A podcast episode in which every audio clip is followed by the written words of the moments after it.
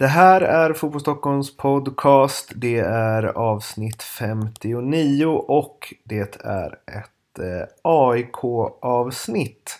Det har ju varit en del matcher sedan senast. Eh, så det blir väl att ta ett litet... Ja, ja, hur har vi navigerat här egentligen Oskar?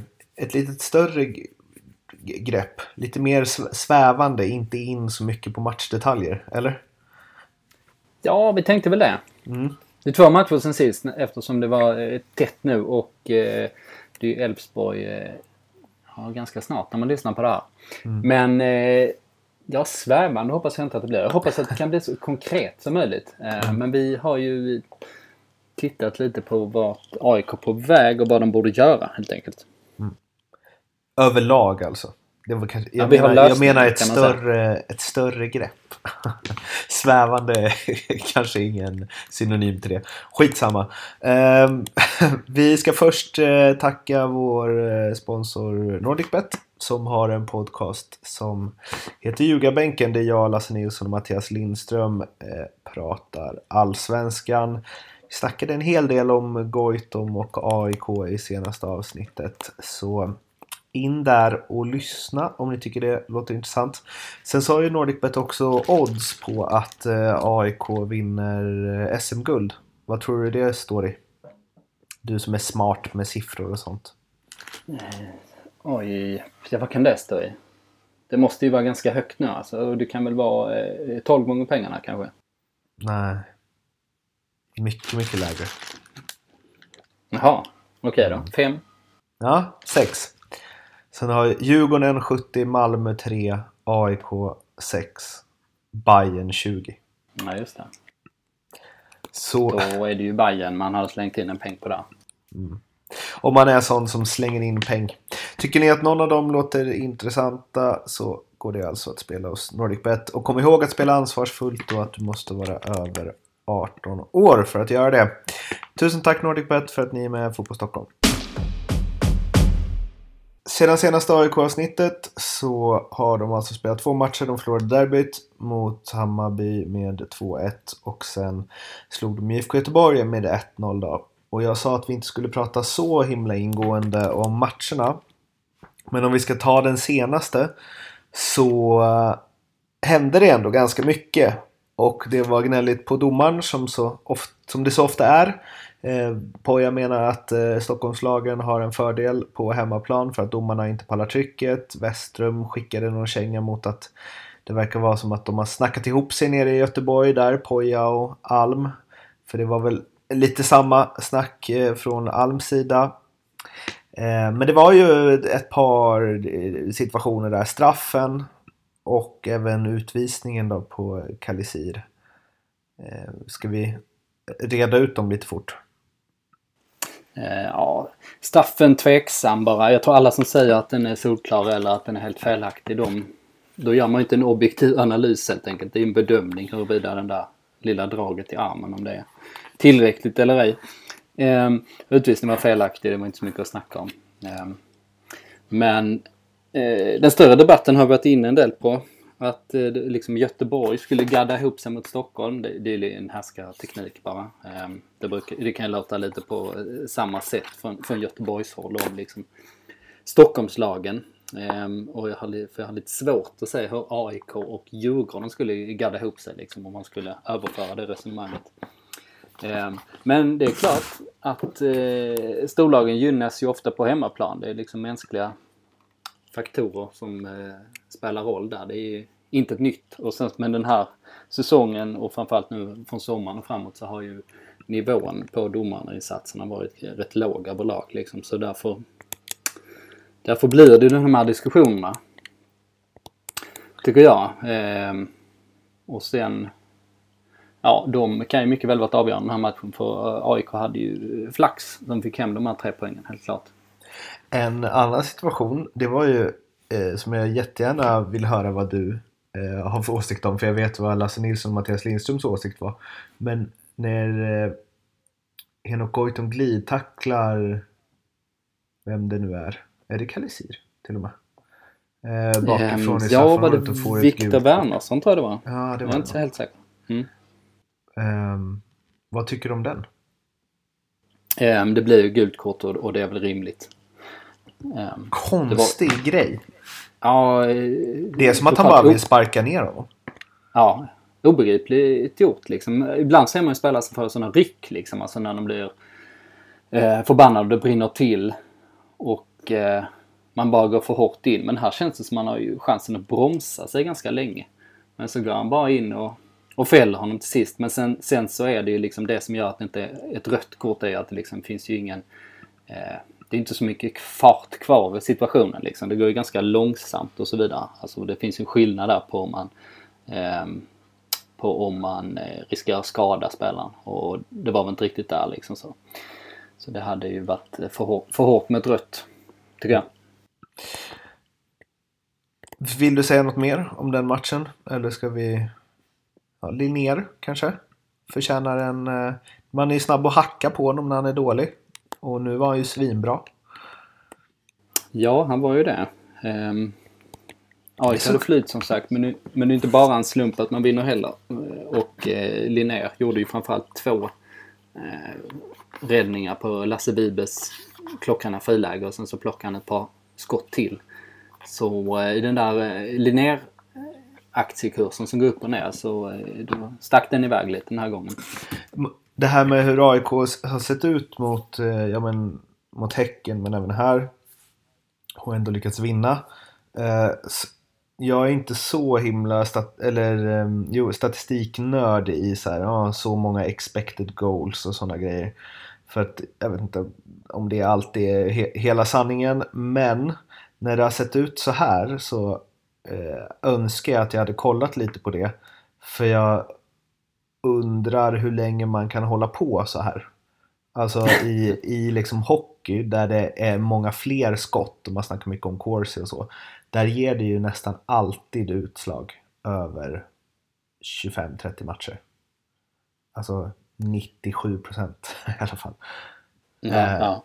I fotboll det, känns det, det som att man kan jag vet inte, spela lite sämre men ändå ha lite bättre individuella spelare och ändå få utdelning på det. För Malmö har ju också känt så i år, som AIK till och från, att de inte har varit nära sitt max liksom.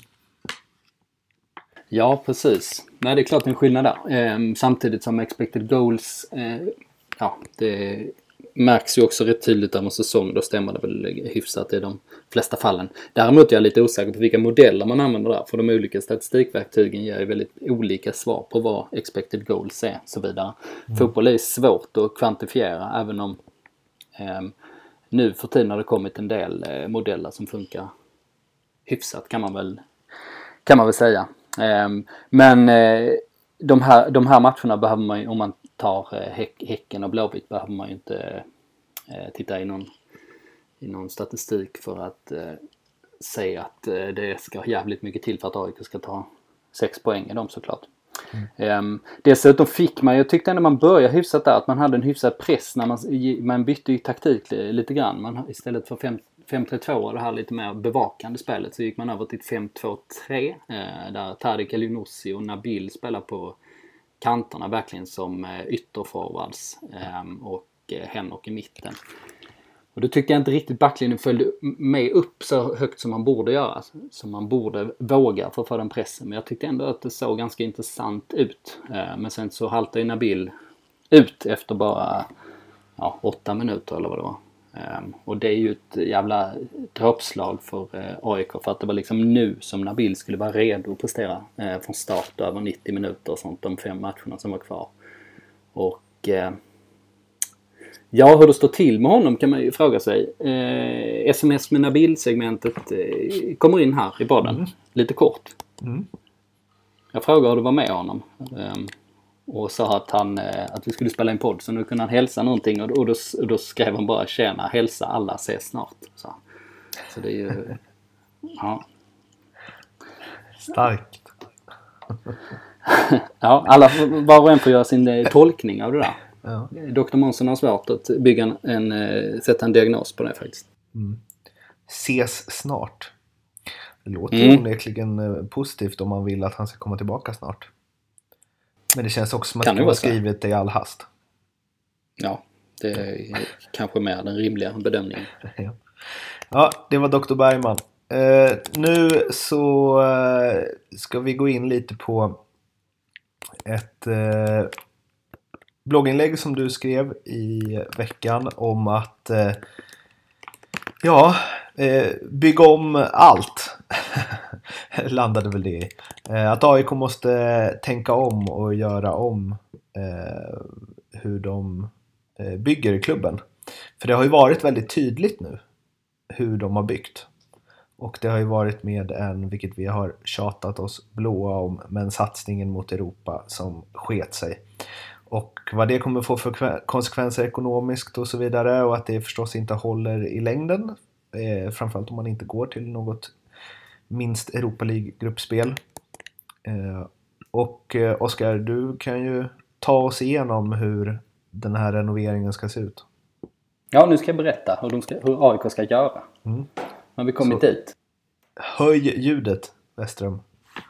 Ja, precis. Eh, taktiken kan vi börja med. Eh, sen Norling kom tillbaka så har det varit det här 532-systemet. Som han har byggt eh, allting kring, eh, in i minsta detalj. Hur man liksom eh, utformerar truppen, hur man lagt upp träningsmetodik och så vidare. Och det har ju varit framgångsrikt över tid, vilket vi var inne på med tanke på det poängsnittet som AIK har. De har ju liksom ett poängsnitt som pekar mot 64 poäng per, per säsong. Ehm, men det känns som att de har nått lite vägs ände där om man tittar på de lagen som rör sig framåt just nu. Eh, vilket fram, kanske framförallt är AIKs närmsta rivaler. Så har de ju mer liksom ett proaktivt sätt att spela. Att man har en taktik som man vill utveckla. Eh, man strävar efter någonting väldigt tydligt som bygger liksom på eh, offensiv fotboll och kreativitet kan man väl säga. Sen så har du åldern. Ja, det är en ganska enkel punkt eftersom AIK har en, en ålderstigen trupp eh, där spelarna blir äldre och eh, sannolikt inte bättre för de flesta. I vissa fall går det åt fel håll till och med. Och det hänger ihop med eh, eh truppkompositionen när man ska planera där. Att det, det är svårt att sälja när man egentligen bara har gamla spelare. Eh, det finns inte så mycket av marknadsvärde i truppen vad det gäller försäljningar. Det har vi varit inne på tidigare men det är Linnér och Bilhall Hussein som man väl kan tänka sig skulle kunna ge en del pengar men eh, det är ju en sån grej som man måste göra. Man ska bygga om. Eh, det tar lite tid, eller det tar ganska mycket tid och det kräver tålamod men jag tror det är absolut nödvändigt att man, att man jobbar på det sättet.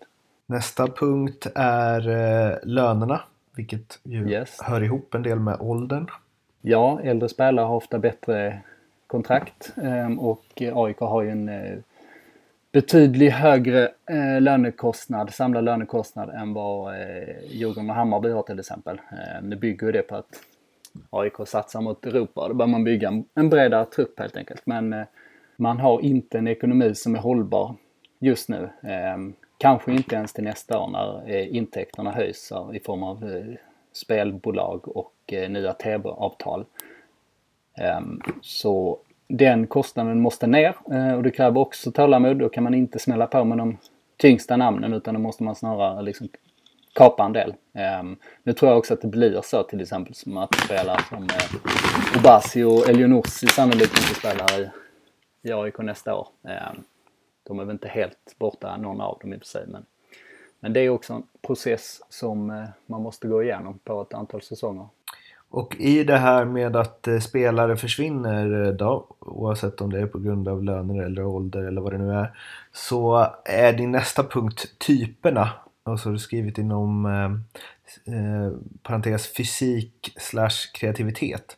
Där är ja. jag lite nyfiken. Ja precis, det är någonting som jag har tänkt på ganska länge och det hänger ihop med eh, taktiken och spelsättet. Men om man ska ha en mer proaktiv fotboll, om vi kallar det det, då behöver man lite andra typer i laget. Ehm, om man ser på konkurrenterna så har eh, de prioriterat eh, liksom kreativ, kreativa spelare eh, snarare än de fysiska. Om, liksom om Djurgården värvar Curtis Edwards och Astrid Ajdarevic som i och för sig inte har gjort så många glada än så länge. Men det är ändå en annan typ av spelare. Hammarby värvar, eh, har liksom eh, Mats Fenger som mittback. Eh, Medan AIK går för en eh, mer ja, Robin Jansson eller Karol Metz typ. Man har Rasmus Lindqvist på, som wingspelare. Man har eh, Kol Kolbein som eh, anfallare. Att man, man väljer ofta de här eh, robusta fysiska spelarna men som kanske har liksom inte samma speluppfattning då som, eh, som eh, Djurgården till exempel har valt på sina spelare. Så där får man vinkla om helt enkelt. Det är ju inte liksom en helt vattentät teori det här liksom, utan det är mer en, en trend kan man säga. Vilken typ av spelare som plockas in. Eh, att det är liksom Felix Michel som går till AIK och inte till, till de andra klubbarna. Jag tror inte det är en, en tillfällighet. Kulturen eh, runt klubben, eh, supportrar slash media. Där eh, tror jag att AIK behöver gå en liten eh, skärmkurs nu eh, igen. AIK har ju eh, varit en öppen klubb. Eh, detta är något som vi märker av väldigt mycket såklart. Eh, AIK har varit öppna, det har varit eh, lätt att komma ner och, och göra de intervjuerna man vill och så vidare. Men eh, sen Norling kom in så är det ju eh, väldigt stängt. Eh, det är det mest stängda som jag har varit med om, som en klubb har haft vad det gäller eh, träning och, och tillgänglighet. Ehm, det gäller ju även för eh, supportrarna såklart som inte kan komma på träningar. Eh, åtminstone väldigt få av dem. Eh, och jag tror att eh, det är någonting som klubben också behöver jobba med. Att man behöver eh, nå ut lite bättre. Ehm, man får ganska mycket goodwill om man har eh, öppna träningar till exempel. Så att man, det, blir, det blir liksom, ska man säga, de här lite enklare snacken liksom, eller sitta ner i intervjuer. Det blir fler helt enkelt. Istället för att som man nu har en, eh, en pressträff inför en match och då får liksom man sätta upp sig på en lista där och sen står man som nummer tre för att intervjua Sebastian Larsson och, och då blir det liksom inget speciellt. Eh, mm. Och då blir också rapporteringen eh, ganska ointressant. Man, man kommer inte så nära helt enkelt. Det liksom känns inte på riktigt. Um, och det här året, om man tar på, under sommaren så har det varit extremt tajt spelschema och då måste man ju strama åt såklart bara för att få det att funka. Men generellt sett så tror jag att AIK hade mått bra av den publiciteten. Sista punkten, tränaren. Ja, vi landar ju där någonstans. För att om man ska göra de här sakerna som jag förespråkar nu, eh, då ska man ju också byta tränare. Ehm, den sista punkten är med kulturen runt, det är mycket Norling som har velat ha det på sitt sätt. Ehm, och eh, det respekterar jag fullt ut. Folk får verkligen göra som de vill och det man tror på. I fjol var det många som tyckte det var en väldigt bra idé liksom och lyfte fram det som en framgångsfaktor men jag tror det är lite cherry picking över det där. Alltså för att i år har till exempel Djurgården varit hur öppna som helst. Ehm, och det har ju uppenbarligen inte missgynnat dem, kanske tvärtom. Men um, om man då ska uh, byta spelsätt helt och hållet och bygga en annorlunda trupp, då, då eh, är det ju en annan typ av uh, tränare man ska in också. Och jag tror faktiskt att det kan bli så. Vi, vi avslutar väl det här med att komma till att, att säsongen är långt från över för AIKs del. Eh, och, och om AIK skulle gå hela vägen, som var sex gånger pengarna, då kommer ju Norling såklart göra som han vill, men då kan jag, tror jag också att han är redo för ett nytt äventyr. Då känns det som att då har han gjort allt på något sätt i, i AIK. Och om det inte blir på det sättet så tror jag också att klubben börjar tänka lite på de här sakerna. Eh, lite i samma bana som jag har, som jag har gjort. Hur mycket tror du att det här är liksom karbonpapper på eh, Westrums etc. Skiss, skisser? Om vi börjar liksom hela säga. vägen. Väldigt svårt att säga. Nu är det han som har byggt den här truppen men han har byggt den eh, utifrån Norlings eh, önskemål. Ehm, så då har han ju ett rätt stort jobb att göra där. Ja, det är väldigt svårt att säga. För det, är ju, det jag föreslår är ju en total kursändring kan man ju säga. Och att det krävs ju ett tålamod såklart som jag var inne på och, det, och då måste man kommunicera det tålamodet. Men det krävs ju också ett stort mod med tanke på att det här man har haft nu har ju varit ett, ett framgångsrecept uppenbarligen. Vad kommer en Så- sån här kursändring leda till då under eh, kort tid, tror du? Alltså hur dåligt får det gå för att det ska vara värt att göra den här? Är det lugnt Mm, att kan komma ju- sexa liksom? Det är ju svårt i AIK såklart. Men om man lyckas kommunicera det på ett bra sätt och visa att, att den här kursändringen är på riktigt och att man har um, en treårsplan med ett antal eh, kvantifierbara Oavsett eh, Westström, om han har karbonpapper på dina tankar eller inte Oskar, så är det ju en fråga för framtiden och i en lite, man ska ju ta en match i taget va? Det är något man har fått lära sig genom åren man har följt och varit intresserad och spelat fotboll. Och nästa match är på söndag mot Elfsborg borta. Och då har ju då AIK alltså haft det lite knöligt som vi varit inne på i de senaste matcherna. Medan medans Elfsborg å sin sida, de har väl de har väl haft det knöligt hela säsongen kan man väl säga. Eh, och det är, kommer från Kevin Stor Ellegård tjafs och eh, turbulens i största allmänhet. Men vann ju borta mot Häcken med 2-1. Och AIK kommer ju nu ställas mot ett Elfsborg som är eh, eh ja, bra på sitt konstgräs vill man ju säga. Och att de är liksom hemmastarka och så. Men de har ju typ inte varit det i år.